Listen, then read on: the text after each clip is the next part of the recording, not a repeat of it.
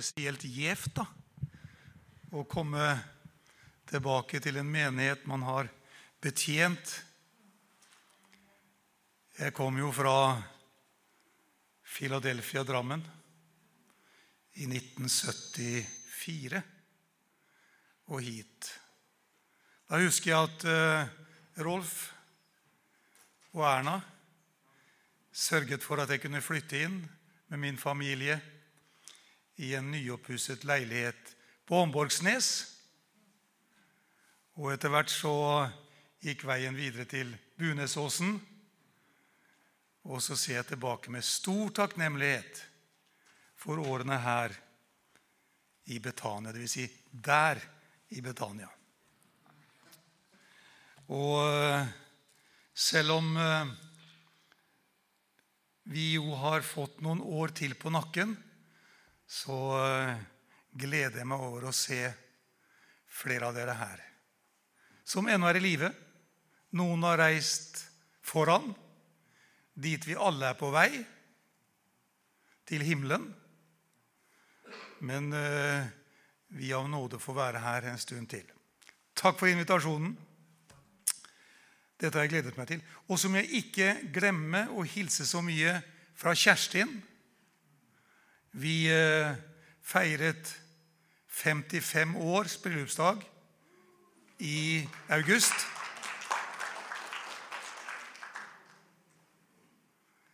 Og det er stort å få være henge sammen hele tiden. Hun ville gjerne vært med. Eh, meningen var at eh, jeg skulle ta bilen ned her. Men så var eh, værmeldingen var litt sånn litt sånn cirka. Og jeg bytter fra, til vinterdekk i morgen og tok ikke sjansen på en biltur. Men eh, Vy, som det nå heter, går jo. Veldig greie forbindelser til Porsgrunn.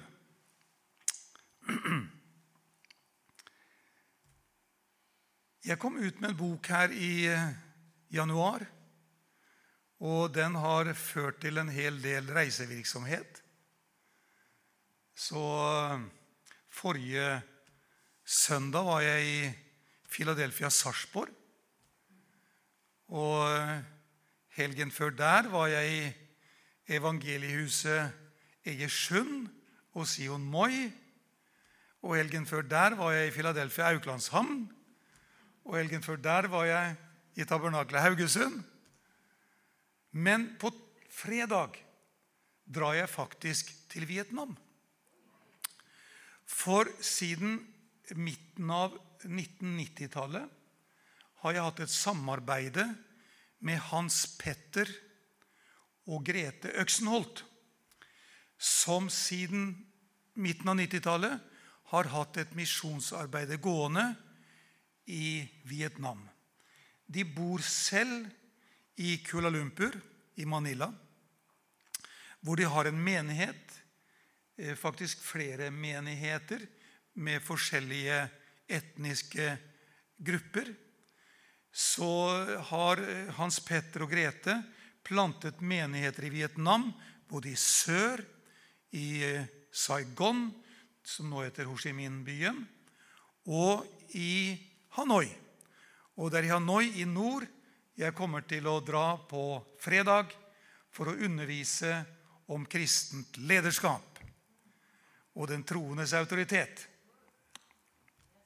så har jeg lenge også der undervist om endetiden og Jesu gjenkomst. Som sagt, jeg kom med en bok i januar. Den heter 'Jesus kommer igjen'. Og hvis du ikke har fått den, så syns jeg nesten du bør få den. Dvs. Si kjøpe den. Og det får du anledning til etter møtet bak i salen. Den har egentlig tre målgrupper. Det første er vanlige kristne som deg og meg, som ønsker å dukke litt mer inn i dette stoffet. Det andre, det er eh, studiegrupper, husfellesskap, bibelskoler osv. som eh, trenger en bok de kan gå ut fra når det gjelder studiet. Og den tredje målgruppen det er yngre pastorer og forstandere som ikke har våget seg å nærme seg dette temaet, fordi det er så mange syn, og det er vanskelig å, rett og slett gå feil, og at de skal få en liten hjelp til å komme i gang. For dette er viktig forkynnelse. Så kan jeg jo si at et av disse kapitlene i denne boken det handler om profeten Daniel. Og der må jeg takke menigheten der i Betania for at vi hadde så mange møter.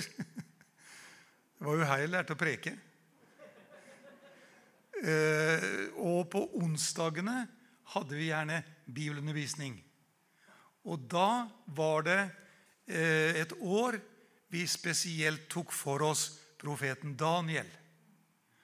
Og det jeg forkynte da, forkynner jeg fremdeles. Og mye av det danner altså hoveddelen av det kapitlet om Daniel. Ellers så har jeg, jeg reiser jo en del eh, i regi av Ordet og Israel, den eh, organisasjonen, eller stiftelsen. Eh, og de utgir et blad som sikkert flere av dere her abonnerer på. Dere er sikkert medlemmer også. Men jeg har med meg et antall blader eh, som du får gratis. Den kan du bare ta med deg eh, når møtet er slutt. Og dette året har jeg fire undervisningsartikler om Daniels bok. Og eh, jeg tror faktisk eh, to av de som ligger der nede, har del én og to. Den har del tre. Og akkurat før jeg eh, Altså i, må, i går da, gjorde jeg ferdig den fjerde artikkelen, som jeg sendte inn til redaksjonen, og som handler om Eh, kapittel 9 om de 70 år-ukene. Og om eh, kapittel 10, 11 og 12 og kapittel 12 om oppstandelsen. Og der tar jeg opp dette spørsmålet Når Jesus kommer for å hente sin menighet, blir da de gammeltestamentlige hellige med i bortrykkelsen? Eller står de opp når Jesus kommer igjen for annen gang? Det spørsmålet tar jeg opp i den artikkelen som kommer i neste nummer. Så følg med, følg med.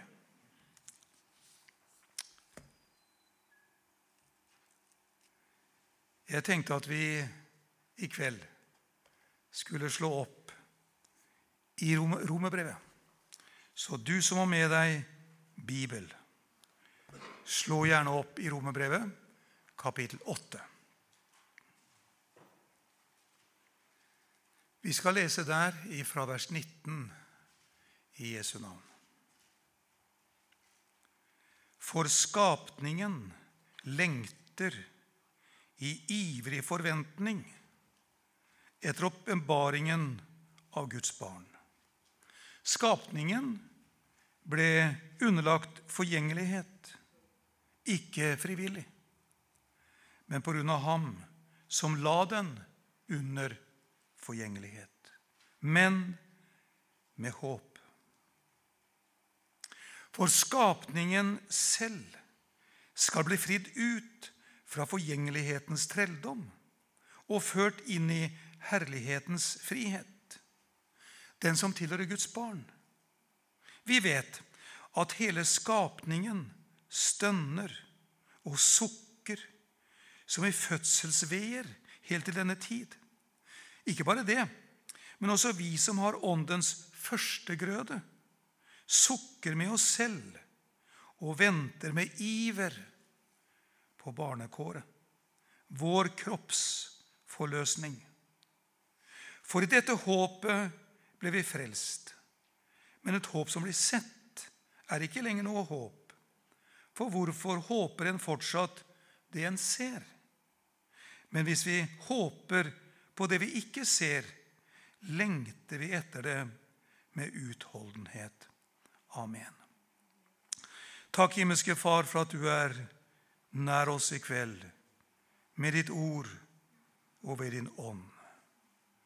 Herre, vi ber om at du skal åpenbare Skriftene for oss, så det skaper en lengsel i oss etter det som ligger foran, og som vi håper på.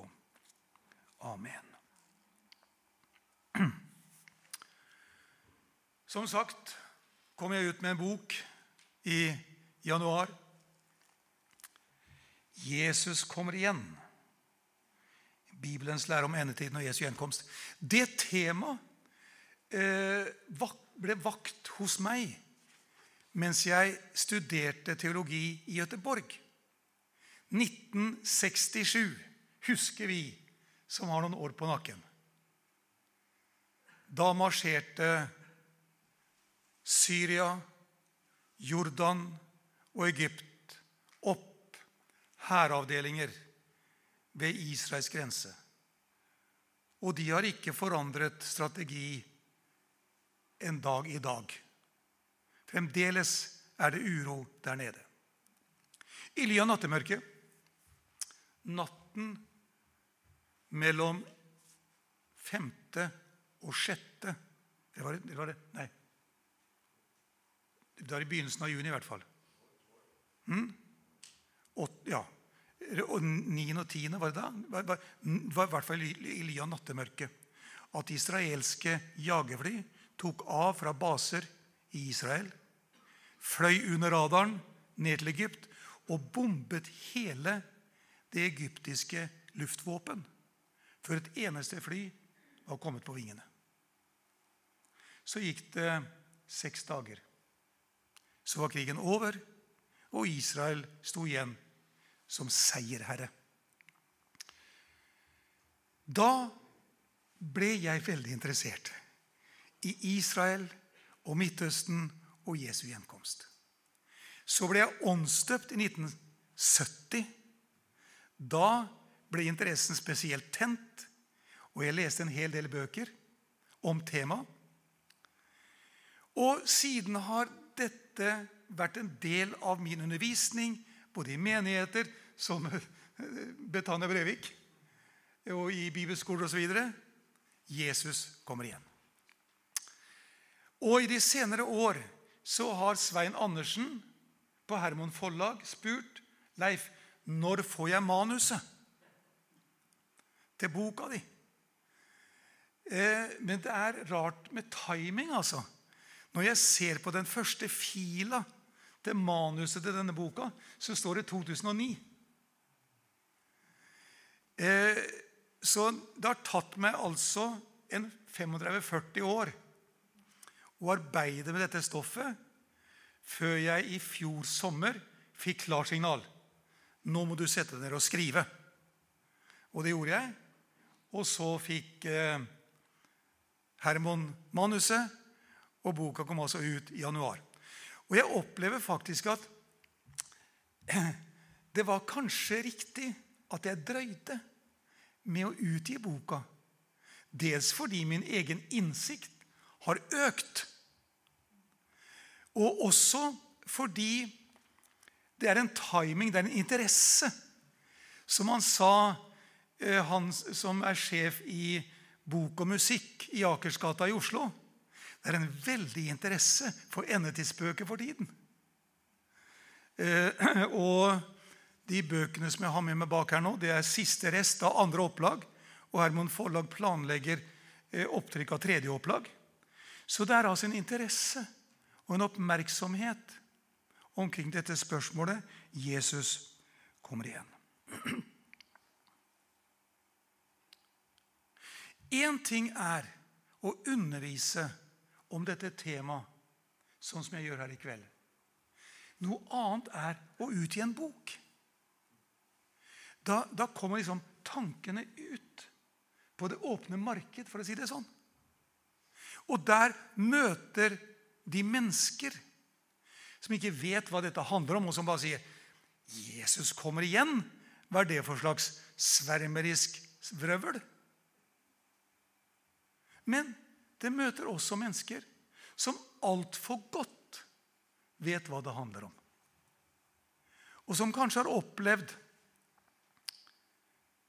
fra menigheter de har vært med i, at det ble veldig mye forkynt om endetiden og Jesu gjenkomst. Men kanskje ikke på en veldig klok måte. Nesten sånn at hvis Jesus ikke kommer igjen før jeg blir gammel, så Altså, da har du ingen ryggdekning. Så derfor har jeg stilt meg det spørsmålet Er det mulig å forkynne endetiden og Jesu gjenkomst på en måte som skaper forventning? Som skaper glede og håp? At man ikke blir virkelighetsfjern, mister kontakt, bakkekontakten og blir spesiell. Men at dette med Jesu gjenkomst kan forkynnes på en god måte. For det er jo vårt kristne håp. Jesus kommer igjen. Vi er faktisk gjenfødt til et levende håp ved Jesu Kristi oppstandelse fra de døde. Hvem skal ellers fortelle verden at det er håp, om ikke vi, som er håpets folk? Mennesker er jo i ferd med å miste håpet, miste troen på framtiden. Og der har du og jeg et spesielt kall til å holde fram det levende håp. Troen på at Jesus skal komme igjen, har i alle tider vært en sentral del av den kristne tro og bekjennelse. Når man leser eller bekjenner den apostoliske trosbekjennelsen Man gjør jo det i en del kirker. Så står det der skal derfra komme igjen for å dømme levende og døde. Det var den apostoliske trosbekjennelsen. Og den nikenske trosbekjennelsen, som ble vedtatt faktisk allerede i 325, så står det han skal komme igjen i herlighet for å dømme levende og døde. Hans kongerike skal ikke ha noen ende. Det er sant at det går mot en dommens dag for en verden som har vendt Gud ryggen. Men det går også mot en morgen for oss som Guds folk.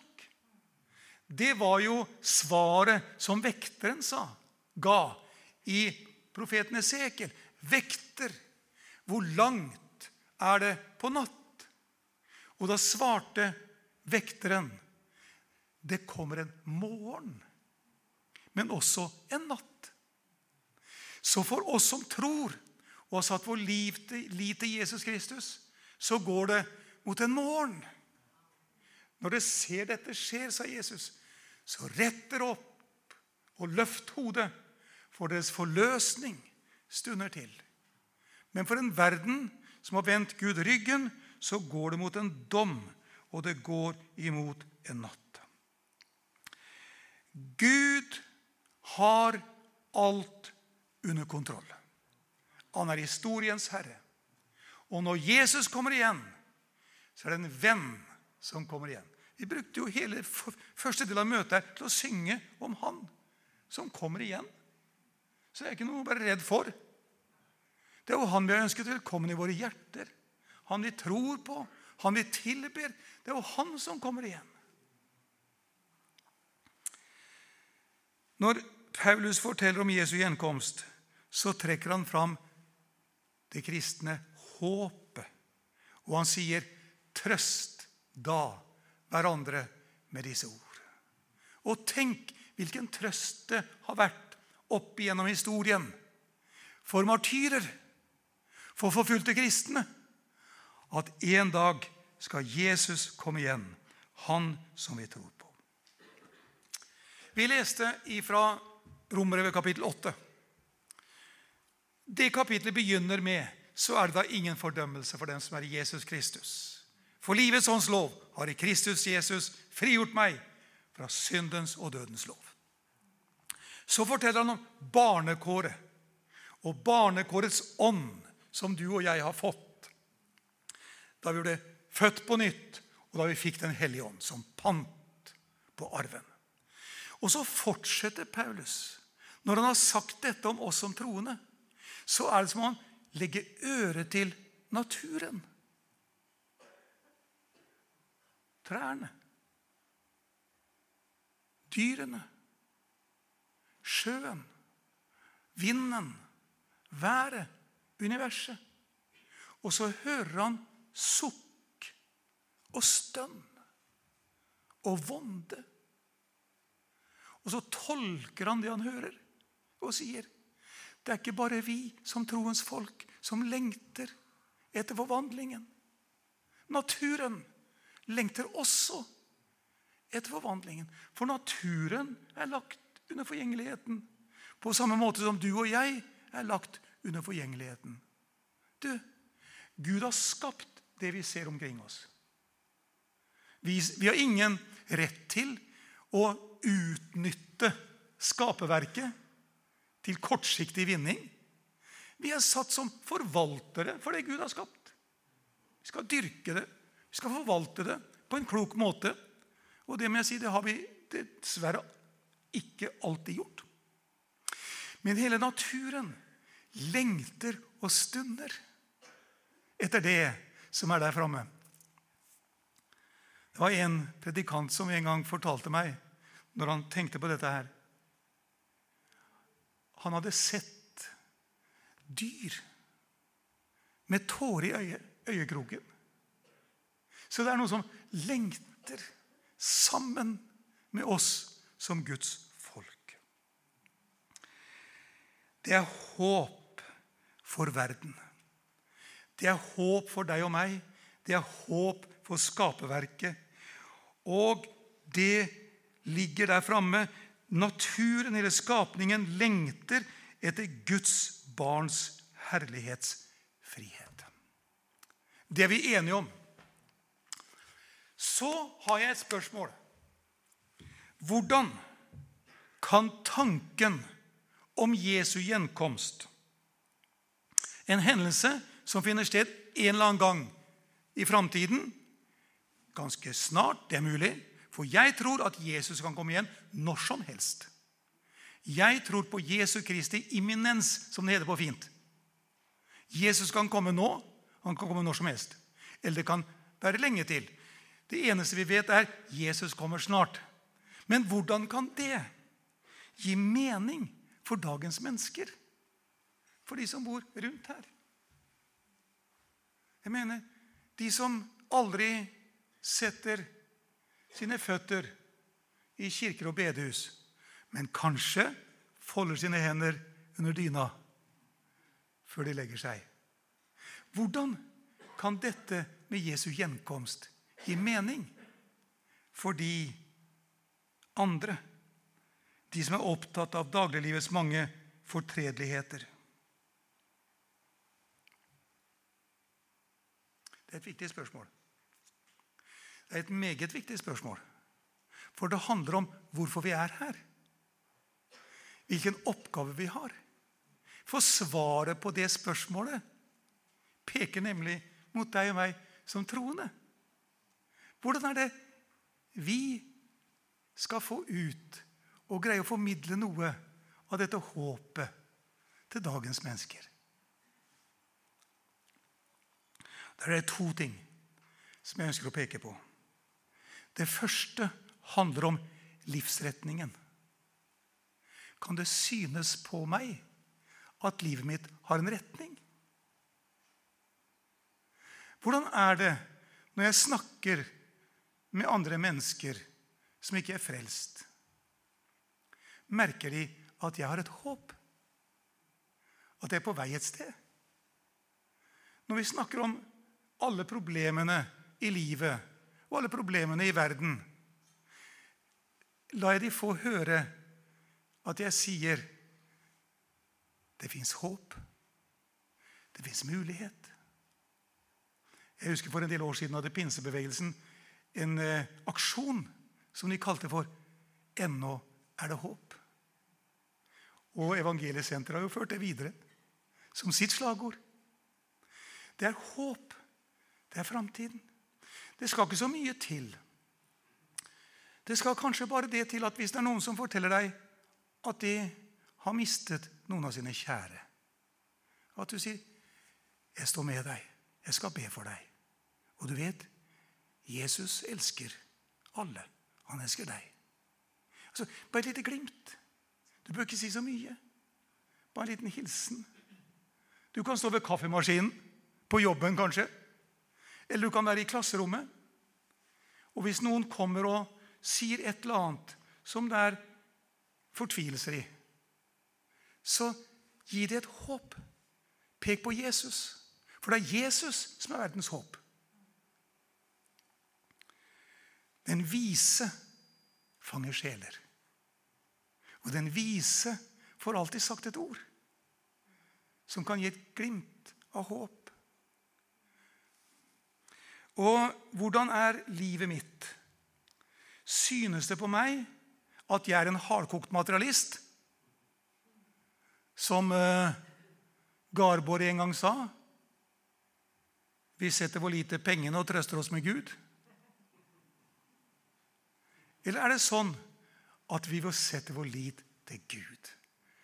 Det er greit. Gud har, Gud har velsignet både deg og meg.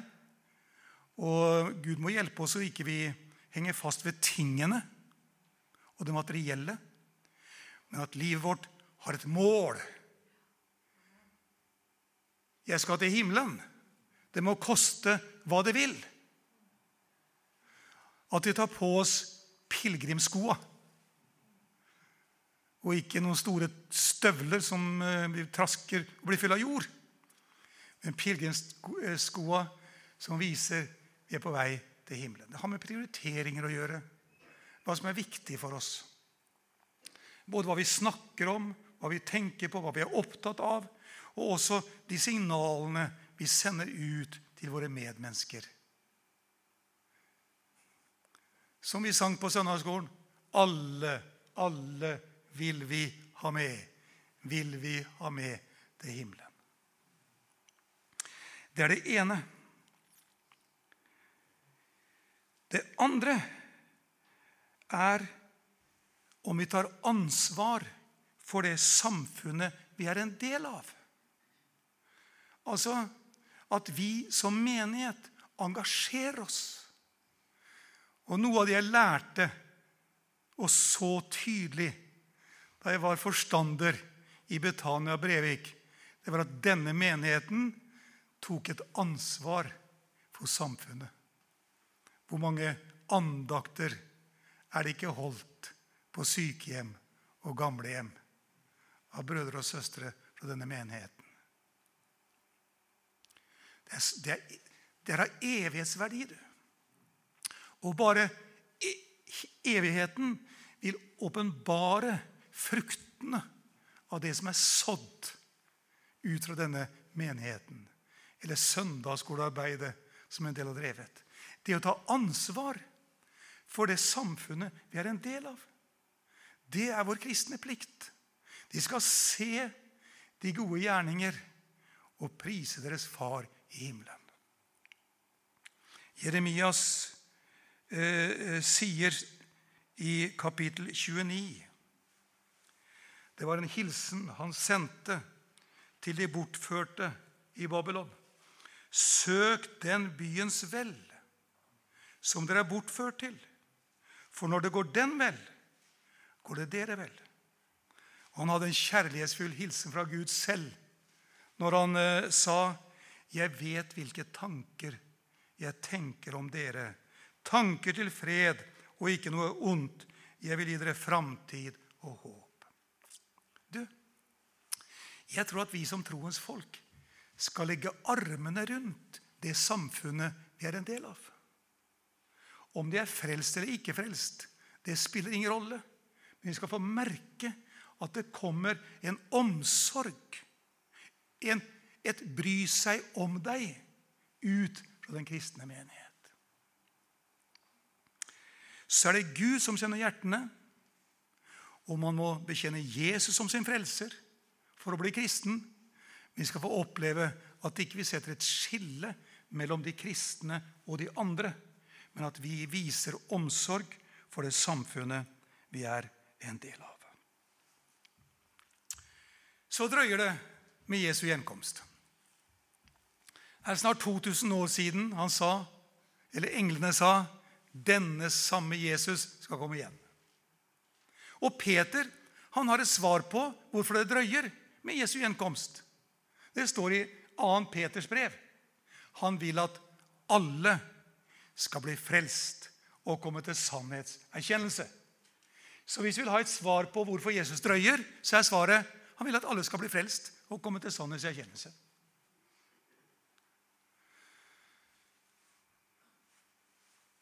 Det å være opptatt med endetiden og med Jesu gjenkomst gjør oss ikke til virkelighetsfjerne drømmere som er opptatt av å kjøpe hermetikk så vi har noe å spise i den store trengsel. Det å være, ha en rett oppfatning av endetiden det er å være en sjelevinner. Vi vil ha med flest mulig på veien. Så er spørsmålet Hva ligger foran? Jeg tenkte å si litt, eller jeg forsøker å si litt i kveld om det kristne håpet. Hva er det som ligger foran? Da trenger ikke du og jeg å vente på Jesu gjenkomst for å møte Jesus. Jeg har den enfoldige troen at når vi sovner inn, når vi dør, så bæres vi av engler inn i himmelen for å møte Jesus. Så når vi dør, så frykter vi ei om vi skal vandre i dødsskyggens dal. Så frykter vi ikke for noe vondt, for du er med meg. Din kjepp og din stav, de trøster meg. Jeg tror ikke på noen mellomtilstand hvor vi sover. Da Jesus Kristus døde på korset, for ned i dødsriket, så tok han fangenskapet til fange. Han tok med seg de som var hensovet, og som var i Abrahams fang. Han tok de med seg, og sammen med røveren opprettet han paradis. Og hva er paradis? Paradis, det er den tredje himmel. Les bare 2. Korinterbrev, hvor Paulus sier han kjenner et menneske Kristus som var rykket like inn i den tredje himmel, inn i paradis. Der hørte han ting som han fikk munnkurv på. Men han var i Guds nærhet. Så jeg tror at når jeg dør, og når vi alle dør i troen på Jesus, så da går den materielle delen den legges i grav og skal bli til jord. Men sjelen og ånd bæres av engler inn i Guds himmel i paradis, hvor vi er sammen med Jesus og venter på oppstandelsens morgen. Vi er uten legemer, for legemet hører oppstandelsen til. Men vi er der i Guds nærhet. Jeg har en sterk opplevelse som jeg har fortalt mange ganger. Da vi var forstanderpar, Kjersten og jeg, her i Brevik på 70-tallet, så ble Kjerstins mor, Britta Jonsson, alvorlig syk. Kom inn på sykehuset. Og vi tok med oss lille Rakel. Dro til Sverige. Kom inn på sykehuset, sykestua. Og mens vi sto der i sykestua, så døde Brita. Og vi var knust av sorg. Da vi kom ut av sykestua, så sa Rakel så dere engelen? Nei, vi så ikke engelen. Jo, det var en engel som kom og tok mormor med seg og bar henne av gårde. Jeg tror det er virkelighet. Jeg hørte en annen fortelling. En bror som opplevde det tragiske at hans 19 år gamle datter forulykket i trafikken. Hun var kristen. Så ble han kontaktet av en som de kjente, som hadde kjørt over en bro like over der hvor datteren omkom, bare timer i forveien. Det var nettopp ryddet og gjort i orden på, i veien. Så kjørte hun, og så, og så spurte hun Du, jeg kjørte der og der for en liten stund siden. Og når jeg kjørte over den broen, så hørte jeg englesang. Og Da forklarte han at hans datter hadde mistet livet akkurat på det stedet kort tid i forveien. Jeg tror det skjer noe når vi reiser herifra. Vi blir båret av engler inn i himmelen for å være sammen med Jesus, han som vi elsker mest av alt. Det er et håp, det. Vi tror ikke på sjelevandring. Vi tror på død, oppstandelse, et nytt liv sammen med Jesus. Så det kristne håpet er knyttet til at vi legger oss til hvile med håp. Og Derfor kan vi si, når vi står ved graven til en troende bror og søster, på gjensyn. På gjensyn. Håpet er knyttet til at Jesus skal komme igjen. Håpet er knyttet til at han er der, at englene bærer oss inn i himmelen når vi dør. Og håpet er knyttet til at Jesus skal komme igjen. Jeg tror at Jesus skal, Jesu gjenkom skjer i to avdelinger. Jeg tror at han først kommer igjen for å hente sin menighet. Og så kommer han igjen for å opprette riket. Det har jeg alltid trodd. Og Det er jo klassisk pinseforkynnelse. Jeg tror ikke at den kristne menighet skal gjennom den store trengsel. Jeg tror ikke at lammets brud skal rammes av lammets vrede. Det gir ikke mening for meg. Så jeg tror at eh, menigheten er i himmelen når trengselstiden eh, rammer jorden, som er Guds vrede, mot en verden som har vendt ham ryggen.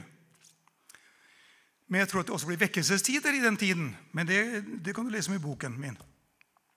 Og så kommer han for å opprette riket. Jesus sa i Johannes 14.: I min fars hus, fra vers 2.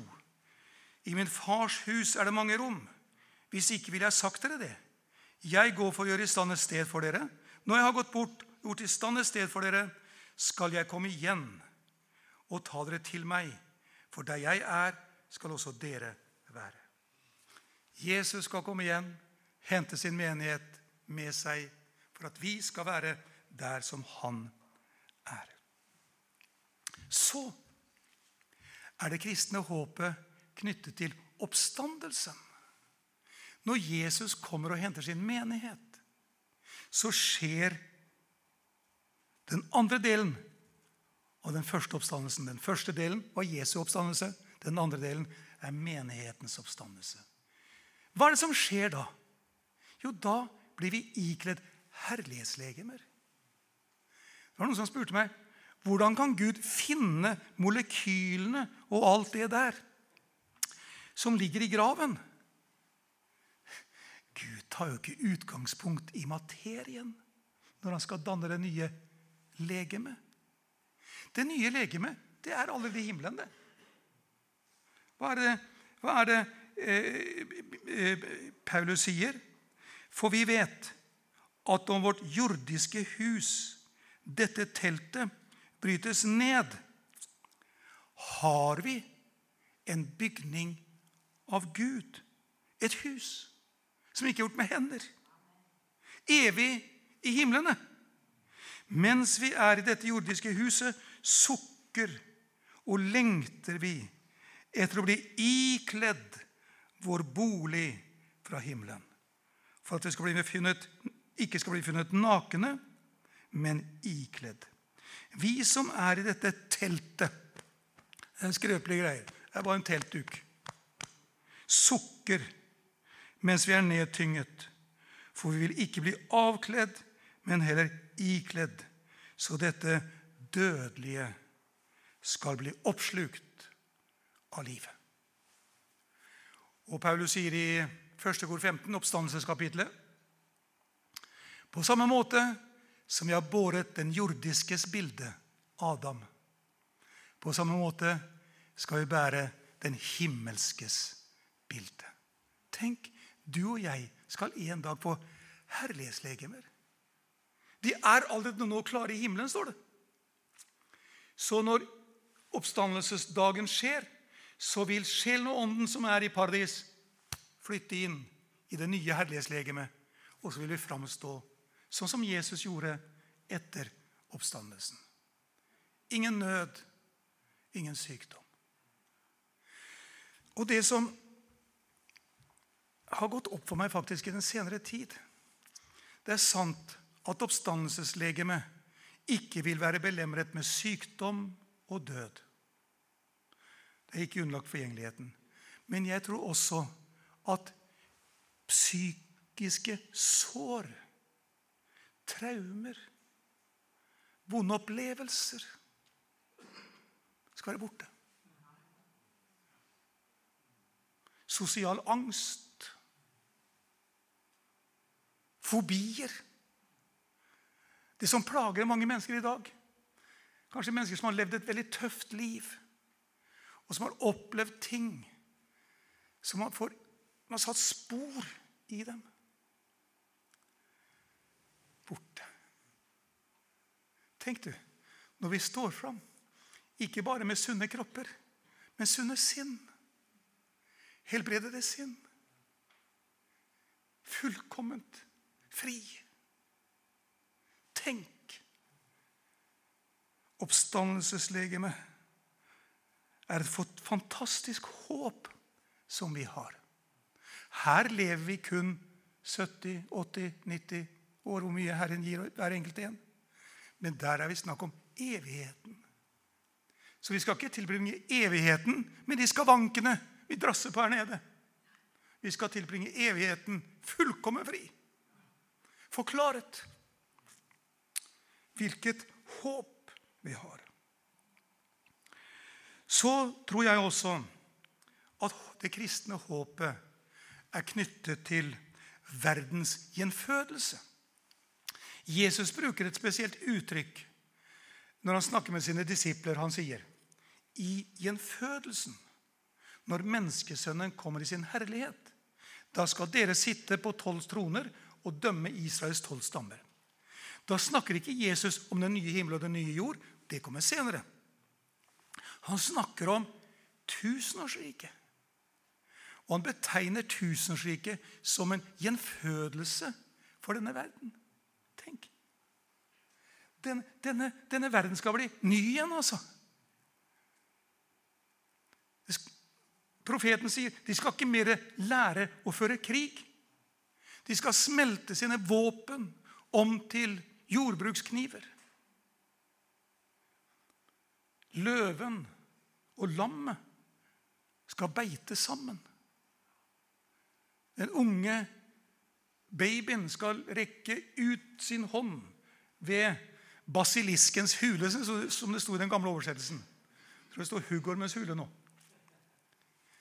Uten å bli bitt. Altså det, den, det som miljøvernforkjemperne kjemper for og tror de skal oppnå med menneskelig middel. Det vil skje når menneskesønnen og fredsfyrsten kommer tilbake. Da blir verden født på nytt. Så er det noen som ikke tror på tusenårsriket. Ja, det er jo beklagelig. For da må du sette en strek over ganske mye i Det gamle testamentet. Alle profetier om Messias rik, om tusen, det messianske riket, må du sette en strek over, eller tolke åndelig. Eh, så, eh, så, i det hele tatt Jeg tror på et tusenårig rike med fred og rettferdighet. Så til slutt Det kristne håpet er knyttet til en ny himmel og en ny jord, hvor rettferdighet bor. Denne jorden er spart inntil ilden, står det. Det skal ikke være noen unnskyldning for oss som troende at ikke vi skal ta vare på den jorda her. Vi skal være gode forvaltere. Men den er spart inntil ilden. Og denne jorda det, det, Uttrykket er egentlig kosmos.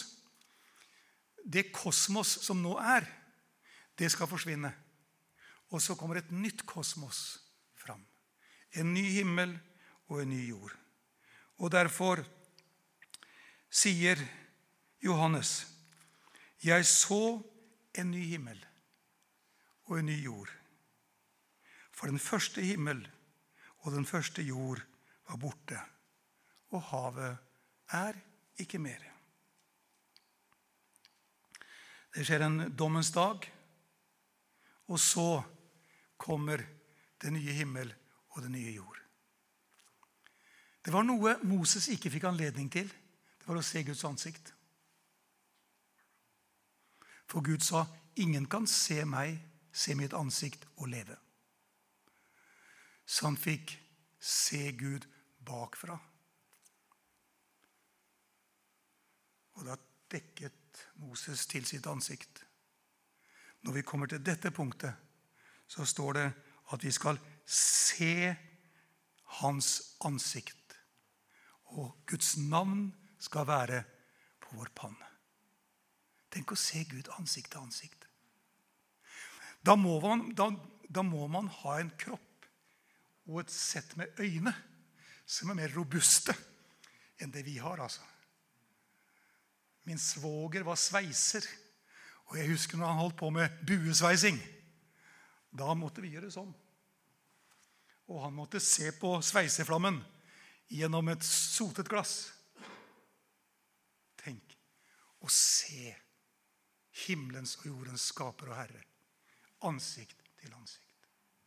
Nå ser vi i et speil. Da skal vi se ansikt til ansikt. Nå forstår vi stykkevis. Da skal vi forstå fullt ut.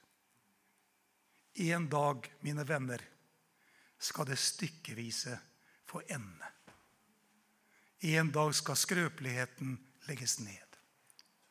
Og en etter en går vi inn i himmelen.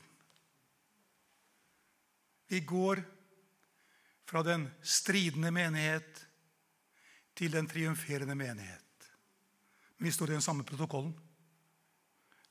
Livets bok hos lammet. Du skifter ikke protokoll fordi om du dør. Du bare går inn i en annen avdeling av menigheten. Så menigheten, det er et fellesskap som du blir født inn i, og som du ikke går ut av selv om du dør. Det er vårt håp. Eivind Skeie har skrevet en salme som faktisk er den siste salmen i den nye norske salmeboka. Og der er han inne på noe av det håpet som jeg har forsøkt å si litt om her i kveld. Og han sier det slik.: Jeg tror på jordens forvandling. En gang, en tid, et sted. En fremtid hvor Guds himmel til jorden senkes ned. En evighet av glede. Der alt det vakre her blir løftet i Guds klarhet og stråler bedre der.